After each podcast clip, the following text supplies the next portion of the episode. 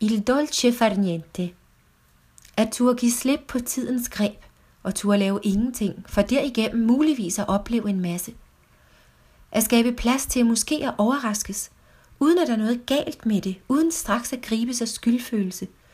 At hænge ud al bar i en piazza, tage sig tid til at tale med en gammel bekendt på gaden eller vise vej.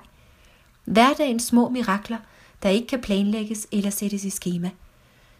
Måske behøver vi ikke søge helt mod Østens spirituelle livssyn, når vi i Danmark ønsker inspiration til at leve et opmærksomt og tilstedeværende liv, men blot lidt mod syd til Italien, hvor ovennævnte kvaliteter er tillært gennem generationer og fuldstændig naturligt.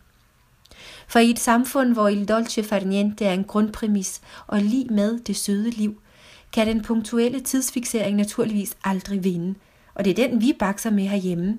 Tiden er vores grundpræmis, så vi lærer nok ikke il dolce far niente på et splitsekund, men det er jo heller ikke pointen, der skal tid på.